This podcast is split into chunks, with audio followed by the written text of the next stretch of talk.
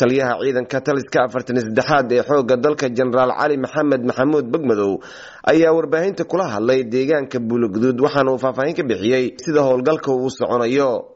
Maalmahan waxaanu wadnay howlgallo aanu kaga sifaynayno cadowga deegaanada barshanguun singaleyrka farwaamo iyo agagaarkooda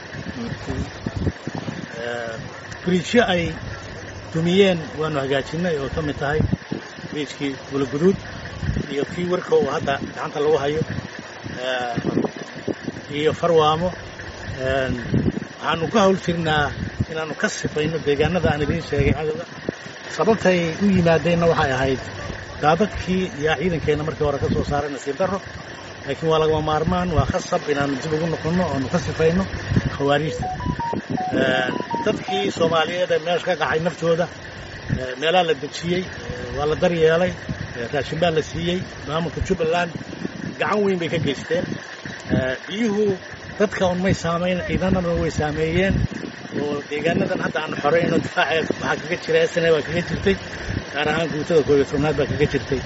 Marka insha allahu tacaala waxaanu ku tala jirnaa maanta iyo berri inaannu soo afjarno sidoo kale taliyaha ciidanka taliska afartan saddexaad ee ciidanka xooga dalka ayaa tilmaamay in howlgalladaasi ay yihiin kuwo lagu xaqiijinaya ammaanka maadaama fatahaadii ciidamada markii hore ay ka soo guureen ay imika dib u laabteen biyahaasi.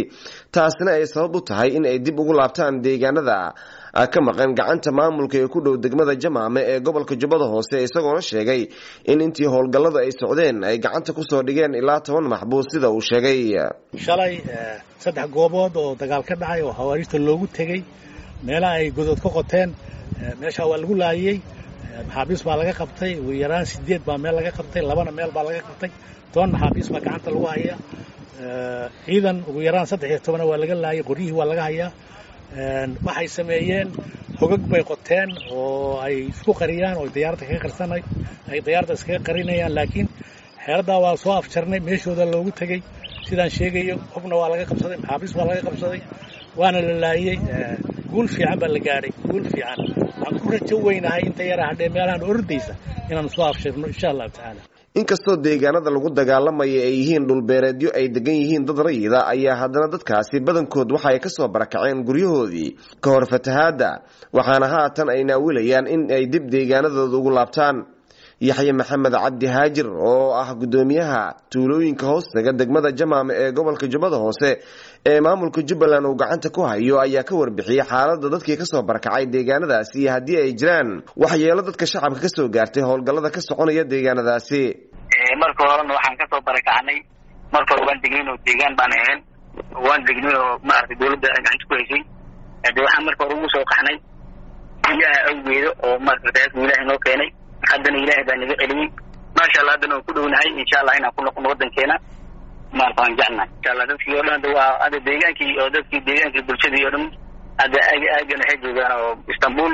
Hadda wax meesha degan oo shacab degan hadda malan laakiin waan ka warqabaa maasha allah hadda wax khasaar ma soo gaarta malan ma jiraan wax shacaba oo ay dhibaato ka soo gaartay dagaalada aagga ka soconaya maya ma ma jiran ma jiran ma jiran ma jiran mar mar laga soo qaxay waa dadkii waxay degan yihiin. Meelahan istanbul iyo meelahan qaanqaam laakiin maasha allah haddii inaan ku noqono waddankeenaan jecelnahay maasha allah dawladdana kala socotaa ilaahay garbaasiiyey waa insha allah inaan gaari doono.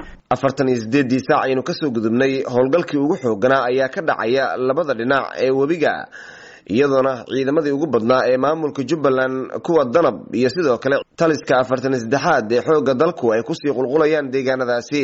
Ujeeddada howlgalkan ayay saraakiisha ku tilmaameen in uu yahay sidii deegaanadaasi ay markii hore ciidamada ka soo guureen fatahaadda awgeed ay dib ugu laaban lahaayeen. Islamar ahaantaana ayna ugu talagaleen in lagu xaqiijiyo ammaanka deegaanadaasi. Aadan maxamed salaad v o a magaalada kismaayo